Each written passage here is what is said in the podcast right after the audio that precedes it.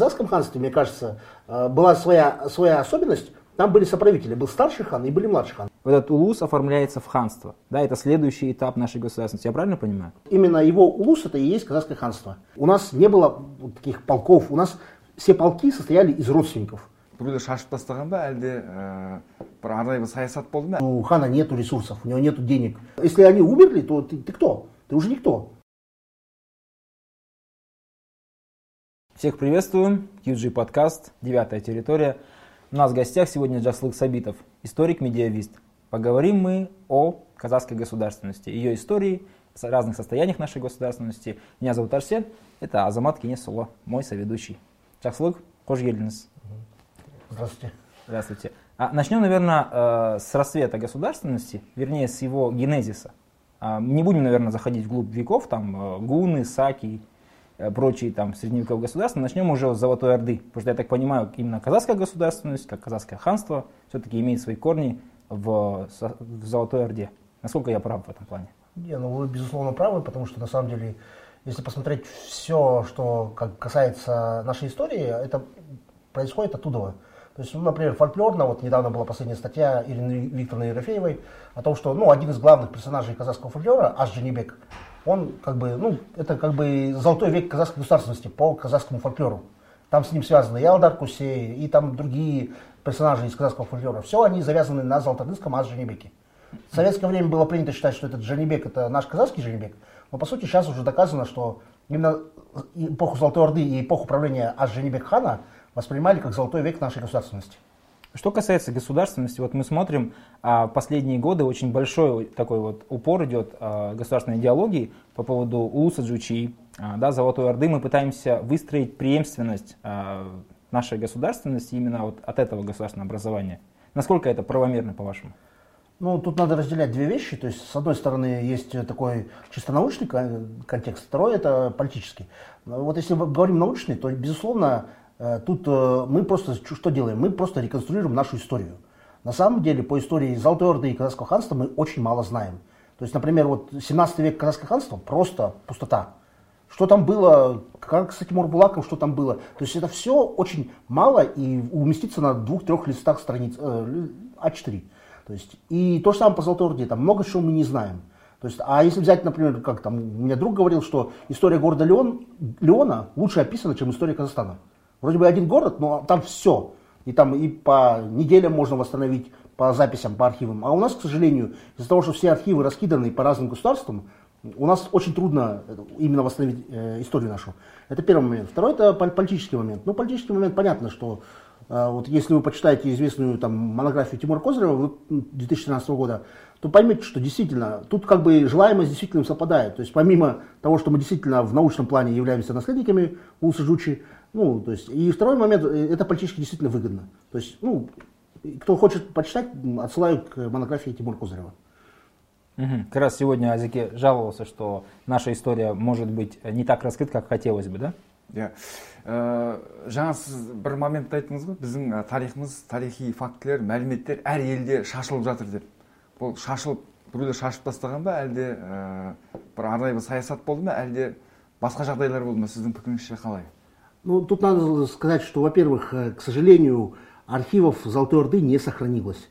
То есть, вполне возможно, там были определенные э, рукописи, которые писались по нашей истории, но, к сожалению, они не сохранились, и какие-то вот осколки, если и сохранились в виде, вот, например, Утимиш Хаджи или Абдалгафар Крыми, это все потом стало основой для постзолотарынской историографии, там, в Хорезме, в, э, в Крыму, там, еще где-нибудь. То есть, это большая проблема, что архивы не сохранились, раз. Во-вторых, там, конечно, по другим государствам все это, наша история описывалась. И, к сожалению, мы еще на самом деле их хорошо не изучили. То есть буквально там, если копнуть, вот у меня недавно, две недели назад, назад друг копнул историю там Хандемира, который, в принципе, известен, и нашел вот ну, жену Касымхана, которая в 60 э, 1496 году вышла замуж за, Хусейна, э, за Касымхана, а потом оказалась в Индии. То есть это получается как бы, у нас это все во внешних э, государствах есть, но, к сожалению, тут нет еще на самом деле большой работы историков. А, То есть, если посмотреть, вот из тысячи историков, которые защитились за годы независимости, средневековиками занимались ну, человек 20. Это как меньше процента даже одного. То есть это говорит о том, что, к сожалению, это, это сохраняется. И то, что вот у нас все это раскидано по разным государствам, это тоже большая проблема. Но сейчас уже как бы в эпоху интернета уже некоторые рукописи просто можно онлайн достать И легче с ними работать. Ну, мне кажется, сейчас... ол ол онлайндағылар маңызды құжаттар ма ма- аса маңызды емес ол маңыздылары әлі шықпаған шығар Нет, шығару а, мүмкін там- емес шығар бәлкім Нет, нет, там разные. То есть, например, вот у нас бывает такое, например, одна и та же рукопись, например, в Индии может стоить там тысячу долларов, м, условно говоря, в Турции может стоить там 300 долларов, в Великобритании может стоить полторы миллиона тенге. То есть, ну, это зависит от, э, от самого архива, кто как ставит. А некоторые просто укладывают бесплатно. То есть, это все зависит, от, говорю, от, от архива, от их самих, от этих стран. Потому что в каждой стране свои обычаи. Давайте вернемся вот к государственности. Э, Когда можно нащупать первую вот такой вот, первые, скажем, прото-казахскую какую-то государственность в составе Золотой Орды, то есть какой-то период? Ну, тут трудно сказать про период, потому что это был процесс. То есть нельзя вот сказать, что вот в этот день именно вот это что случилось с 8 утра. То есть, э, Десятилетия можно? Да. Но если взять вот реально, как воспринимали казахов, например, те же нагайцы, они когда говорили казахское ханство, они говорили «Урус ханов юрт». То есть Урус царев юрт. То есть был Урус хан, который был прадедом Джанибека Кирея. И они считали, что вот именно его улус это и есть казахское ханство. Поэтому, получается, они возводили, э, получается, всю традицию казахского ханства к золоторынскому правителю Урусхану, который начал править около 1359 года. То есть начало Великой Заметной. Ну и 59 год это такой, конечно, точка бифуркации, когда начали отдельно выделяться. И владения там западные, и казахское ханство, условно говоря, будущее, прообраз появился его, и там прообраз казанского ханства появился. То есть это все, именно, наверное, мне кажется, этот год, это как бы начало развала Золотой Орды, которая ну, как бы потом на время прекратилась с Тохтамышем. И от него на, на- на самом деле можно так датировать, когда уже эти протоулусы стали э, становиться чем-то более, чем просто улусами одного государства, и впоследствии они выделились в разные ханства. То есть Урус-хан, в данном случае, который а, является вот отцом нашей а, ветви чингизидов, да, Да. наши все чингизиды урусиды, а, он и является ну, таким первоначалом вот именно каз- э, уже отделения казахского, Ну, а, гос- казахского государства от общей ордынской какой-то. такой. Так воспринимали э, нас, получается, с, с- во-первых, нагайцы, во-вторых, Кадыргали. Когда вы читаете его э, Джамият Таварих, вы понимаете, как сами ордынцы, в том числе и казахи, видели эту историю. Они это видели не как отдельные ханства, а как и- как отдельные юрты, отдельные улусы. И там он тоже начинает все с Ур- Урусхана. То есть он начинает не с Женебек Кирея, как у нас принято считать, а именно с Урусхана. Потому что это, условно говоря, такая степная традиция была. Енді ол кезде жаңағыдай бір ә, жәкең айтып отқандай бір міне міне бір күн мына дәл осы күн сағат сегізде деп айтып жалпы кез келген бір тарихи кезеңнің бір өтпелі кезеңі болады. Көбіне біз соны ұмытып кетеміз де. Ол бес жыл болуы мүмкін ол алты жыл болуы Процесс. мүмкін. Иә процесс. Ол бір ғасыр болуы да мүмкін да. Ол оның оның арасында да бір неше түрлі саяси қақтығыстар болуы мүмкін соғыстар көтерілістер де болуы мүмкін. Ол жаңа сіз айтып отқандай ә, әлі зерттеуді қажет ететін моменттер ғой. Ол әлі зерттелген жоқ олар әлі. Нужно исследовать действительно. Ну, то есть, смотрите, а, в данном случае государственность в виде юрта. Позже мы вот э, все знаем по школьным учебникам, по различной литературе и фильмам, да, популярным, а, по Есенберлину снятым, а, что были Женебек и Кирей, там много очень мифологии по этому поводу, но тем не менее, вот этот улус оформляется в ханство, да, это следующий этап нашей государственности, я правильно понимаю? Ну, фактически да. То есть э, мы, мы как бы часть, э, то есть, условно говоря, Золотая Орда это Киевская Русь для вот наших всех пост, как Киевская Русь для всех наших постордынских государств. То есть это было единое прошлое, из которого вытекли и Крымское ханство, и Наш Казахское. Древний Рим, лучше так, наверное, да? Ну, как бы Древний Рим, наверное, все-таки метафора будет по-другому. Ну, как мне друг хорошо называл, Золотая Орда это вообще степной Рим. Ну, То есть это хорошее выражение такое. А, И тут, получается, мы оттуда все проистекаем, и, соответственно, действительно, улусы начали выделяться. В последующем они уже в процессе своего существования оформились уже в ханство, которое мы уже знаем. Ну, Вот ханство, да? А, и атрибуты государственности в, в ханстве мы можем назвать? То есть есть какой-то э, законного, то есть есть уложение законов, да? То есть есть какая-то а, монополия на насилие. Или это все слишком модерновое, слишком современное понимание? Ну как да. можно описать государственность а, вот, э, начала ханства, по сути, золотой век? Ну, в государстве, в государстве там был свой хан. А, То есть там были свои традиции. Например, в в некоторых ханствах сила хана была сильной.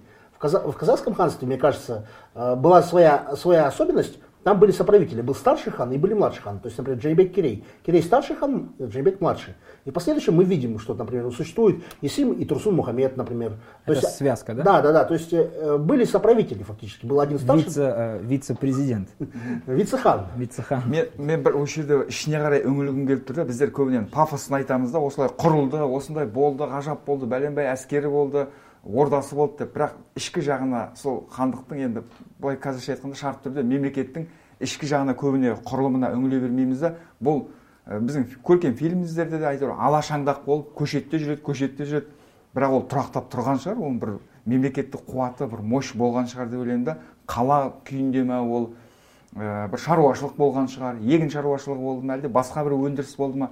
Осы жағынан біз ә, мақтана аламыз енді. Мақтанып жақсы көретін халықпыз ғой. Да. қаншалықты күшті болды ну да.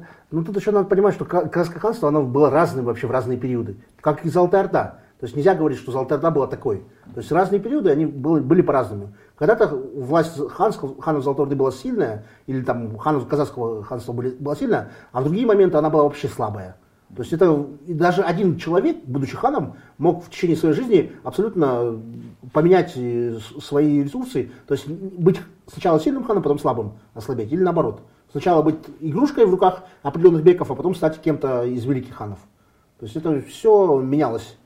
енді жаңағы голословно болмас үшін мысалы ол әскері болды әскердің оның оқ дәрісі болды қару жарағы болды ол да өндіріс қой барлығы да өндіріс қой осыны біз қалай қамтамасыз едік осы жүйе жалпы ә, мемлекеттіліктің осы жүйесі қалыптасты ма сол кезде ну в казахском ханстве немножко были отличия то есть если золотая орда она вот была таким империей, в которой было и городское население, и кочевое, то Казахское ханство это в основном кочевое население.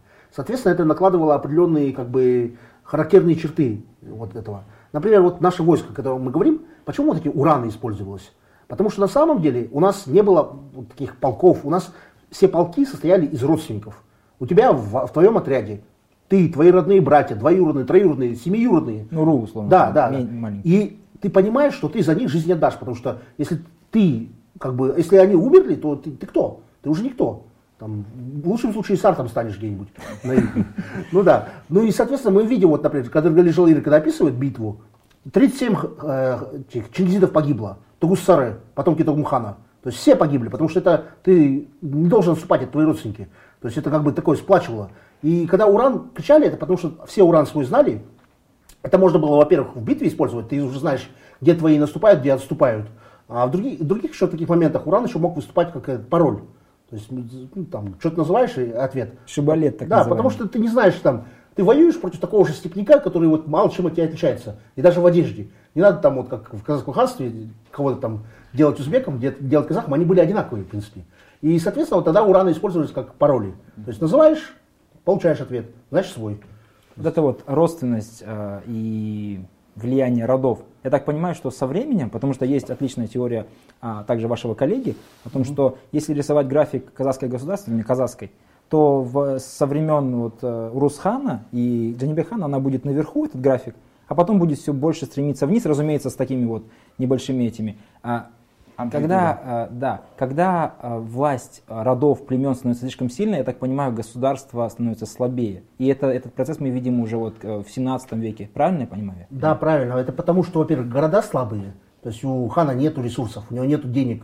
У него как бы вообще, он мало чем, единственное, он может зацепить своих подданных своей доблестью. И, соответственно, это хан... На личном авторитете. Да, батыр становится, должен быть. Либо он должен там, получить поддержку от других батыров. Это вот это действительно такой момент есть. А, но а, тут надо сказать, что то, что наша слабость, это на, на самом деле наша сила. То, что мы, если бы, вот как э, вот мой коллега как раз Радик Кимирглиф описывает, если бы у нас была централизованная власть, мы могли бы больше пострадать. То есть, э, а в такой разряженной власти, когда ханская власть слабая, это защита от дурака. То есть, если хан дурак будет, то просто его от него рода остальные племена уйдут. Азике, а вы знали, что QG участвовала в трех экспедициях на Южный полюс, в Антарктиду? А в 16 году это называлась а, программа «Полюс независимости». енді үшеу екенін білмеймін бірақ бір осы national geographicтен ба discovery каналынан ба әлде білмеймін қазақстандық каналдан ба біздің қазақстанның туымен түстес пик винсона самая высокая точка в антарктиде наш флаг был там а я напоминаю что у нас рубрика QG и вы можете выиграть реальные призы правильно ответив на вопросы господина Кенесула Азамата. Итак, первый для меня разминочный. бір сұрақ қояйын ұйық деген сөздің мағынасын білесің ба біз енді көпшілік қазақстандықтардың көпшілігі біледі бірақ оның тағы да бір басқа бір мағынасы бар. Ұйық деген сөздің.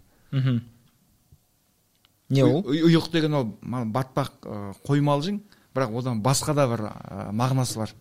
Қазір қолданыста ол. Бірақ кейбір қазақстанның аймақтарындағы біздің отандастарымыз білмейді ол сөз мағынасын. Сдаюсь. білмейсің.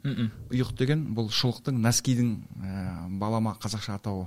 Ұйық әсіресе еліміздің батыс өңірінде бұл сөз әлі күнге дейін қолданады ұйық деген сөз круто. Так, а теперь вопрос для телезрителей. Можно выиграть походный рюкзак? мхм мен енді сұрақтар таңдаған кезде жауабы интернетте жоқ сұрақтарды таңдадым оны іздену керек біраз қиналу керек Ә, мындай жағдай болды тарихқа байланысты бізде қазір еліміздің барлық өңірлерінде сақтың ә, қорғандарын обаларын қазып жатыр ол жерден алтын адамдар шығып жатыр сондай алтын адамның бірі 1968 жылы батыс қазақстан облысында табылған. Бірақ орысша айтқанда об этом история умалчивает айтпайды. Осы алтын адам батыс қазақстан облысында қай жерде табылды ол қорғанның атауы қалай? Отлично. Переведем. Э, Один из золотых людей найденный на территории западного Казахстана. В 1968 в году 1968 году. А в каком у- кургане, Да. как- как- при каких рас- раскопках его нашли? Как называется этот курган Как называется курган? местность Ну, думайте, думайте. Например, вот мы все в плену советских стереотипов живем. Вот, например, есть карта Иоганна фон Страленберга. Казахам принадлежала Фергана. Туда входили каракалпаки, кыргызы, Ташкент входил. Все это было на, на территории Казахстана. То Это есть производственный крас- кластер в том да, числе. соответственно, там все это было. Просто казахи, они в основном были кочевниками, то есть там, если кто-то и производство производил, то есть это было связано больше с ханской властью. Вообще, то, что э, важно, э, что-то находится под казахской властью, не обязательно должны быть казахи. Тот же Туркестан, например, был, э, мог быть э, заселен не казахами, но когда он был под казахским властью, мы называем это наш Туркестан, да? Ну да. Так же и есть. здесь. Так есть. А, Давайте э, вернемся к пути нашей независимости. Мы сейчас вот на этапе такой деградации, когда приходит в степь Россия, да, казахское ханство уже ну, показывает не лучшие образцы своего существования. А Что в, этот, в этот момент случается? Мы теряем ханскую власть, вообще любые институты старые унич- уничтожаются, заменяются российскими. Как это выглядит? Ну, я бы не сказал, что это деградация. Вот есть хорошая шеститомная история Востока, которая в, в нулевых годах выходила в России. И они показывают, что на самом деле не Восток деградировал, а Запад сильно развивался. И получается, Россия, как часть Запада, она сильно развивалась, и Восток остался на том же уровне. Даже, может быть, и повысились темпы роста, условно говоря. Но, к сожалению, Запад настолько хорошо развивался, что, например, вот если взять а, в начале 18 века казахи еще пытались там что-то воевать а, с Росси- Российской империей, то есть могли там какую-то угрозу представлять. К концу уже 18 века все. То есть это уже было бесполезно. То есть э, настолько за один век усилилась Российская империя, получается, что это уже стало как небо и земля. То есть поэтому как бы тут э, надо понимать, что, скорее всего, конечно, это деградации как как таковой не было. Просто появилось более развитое государство с более развитыми институтами, которое, в принципе, смогло э, поглотить. Ну вот, например, мы говорим... Мгм. иә ол тарихтың бір заңдылығы деп есептеймін бір жер ол құлайды бір өркениет әлсірейді құлайды екіншісі көтеріледі керісінше бір өзінің апогеясын жеткеннен кейін ол да құлайды ана жерден үшінші шығады дәл сол сияқты біздер де сондай бір тарихи кезеңдерді бастан кешірдік деп ойлаймын Ә, жаңа біздің хандығымыздың әлсіреп батыстың күшеюін айтып отқаным ғой Дұрыс. Тут еще такой момент есть. У нас был- было большое перепроизводство элиты. То есть, то есть чингизиды, когда их становилось много, это как бы всегда становилось основой для ну, там, гражданской войны, потому что ну, өзара каждый, келіспеушілік каждый там из них претендовал на власть. И это тоже вот такие моменты были. Но мы, давайте так, а, 19 век, а, ликвидация казахской, э, ханской власти в казахской степи, да, последний вот э, паладин вот этой вот казахской старой государственности, Кенесары, он терпит, к сожалению, поражение. Вот, а, мы видим, как Казахстан начинает разделяться внутри России на различные а, территориальные единицы, которые могут с собой быть не связаны, да. Часть казахов, в том числе, до этого была частью Каканского ханства, например, да, мы про, говорим про Лужус, например. И позже все это настолько становится неоднородным, не единым, и не, не то чтобы о государственности говорить тяжело, тяжело говорить вообще о чем-то едином каком-то Казахстане вот в это время. Или не, я не прав? Э, Ну, вы правы, действительно, там идет такой распад. Но тут тоже говорю я, мы все упираемся в источники. Я говорю, есть такой хороший источник, новая история Ташкента. Написан он внуком некого Аблай Султана, правнуком не- некого Аблай Султана. То есть я сначала думал, что это наш Аблай хан, а оказывается, это все-таки Аблай Султан Старшежузовский. И это как бы родственник Тинтек Турея, вот известного, который поднимал восстание против каканцев. Там тысячу листов с чем-то, тысячу сто листов. Эта рукопись не переведена. То То есть, э, а там, получается, человек, который наполовину казах, наполовину кужа, э, ну, там, узбекский, шейхантаровский, он, в принципе, описывает историю Ташкента полностью от Аблайхана до своего времени, до взятия Ташкента русскими. То есть, если мы эти источники не переводим, мы, соответственно, мало что знаем. Там все детально описано. 1100 листов, это считайте как бы биографию своей семьи и себя описывает. Поэтому, безусловно, нужно вот эти казахские, именно казахские взгляды такие на историю Казахстана больше вводить в научный оборот, чтобы знать вот реально, как мы... Э, себя, Изнутри, да, не снаружи. Как да. себя видели. Вот тот же Кадыр Галижалаири, Агус Наме, это все, как кочевники сами себя видели. И тут еще такой момент, что на самом деле, наверное, последние ханы все-таки это ханы, потомки Абулхира, которые жили на Сардаре, это Ерикей Касымов, ну и его родственники. Они в 1860-х годах еще ханами числились. Угу. Ну, просто они не были общеказахскими, они были такими районными ханами. Ә, жаңағы біздің енді өзіміздің төл тарихымыз ә, біздің жаңағы патшалық ресейдің құрамына кіргенге дейінгі одан кейін совет үкіметімен жалғасқанға дейінгі мен ойлаймын ә, сол тарихи хандық қазақ хандығының кезеңімен ол бір ә, сол біз ә, генетикалық бір жадыны кодты бәрі все біз сақтап қалған сияқтымыз. Бүгінгі тәуелсіз қазақстанды сол периодты патшалық ресей ә, үкіметінің кезеңі мен совет үкіметін алып тастаған кезде соның біз жалғасы бола алдық па? Сол қазақ хандығы бүгінгі біздің тәуелсіз қазақстанның бір ә, мұрагері сол ә, заңдылықтарды сол талаптарды сол қоғамның заңдылықтарын сақталып бүгінге жеткізіп соны жалғастыра алдық деп есептеуге бола ма біздің елдігіміздің негізі деп айтуға бола ма әлде бұл екеуі мүлдем басқа нәрсе ма не ну безусловно мы как бы наследник э, условно говоря и казахского ханства и золотой орды Просто... сол менталитеттерді сол қатынастарды сақтап ну да то есть это абсолютно все видно то есть тот же ну если так брать чисто физические вещи как физическая антропология действительно 13 век это когда сложился физический антропологический тип казахов то же самое генетика общий генетический портрет казахов сложился в конце 13 начале 14 века то есть это все оттуда если так взять чисто физиологически и мы сейчас такие же да такие же в принципе это все уже доказано на, на уровне естественных наук, поэтому тут уже таких других доказательств не надо. Безусловно, есть некоторые люди, которые начинают говорить, что вот в Казахстане там начинают, запустили золотарынский миф. Ну, люди просто не разбираются в этом. То есть все серьезные ученые, в принципе, воспринимают казахское ханство и Казахстан как наследник Золотой Орды. То есть, ну, это один из наследников, нельзя это право приватизировать и национализировать. То есть наследников было много, и Казахстан э, один из них. қаншама ғасыр өтсе де біздер соны жоймай сақтап бізге қаншама шабуыл жасалды бізді жаңағы арақпен суарды басқа неше түрлі жат қылықтармен басқа темекіге отырғызды неше түрлі әйтеуір әйтеуір адами қасиеттерін жою үшін не, не істемеді? Бәрін істеді ғой бізді. Колонияға айналдырғысы бірақ соған біздер әлі күнге дейін таңқаламын да жойылып кетпей басқа мына сібір халықтары сияқты мүлдем жойылып кетпей тілімізді жоймай қалай сақтап қалдық не деген мықты ұлы халықпыз деймін де шынымен де. Тағы да кстати вот по этому поводу я недавно а, читал книгу э, Виктора Казадоя. Наверное знаете да? Да, да. Он сейчас фурор произвел. А, сибирский ученый написал книгу про Алихана Бахиханова. И он настолько зашел в казахское общество сейчас вот все его там хвалят и так далее книга крутая.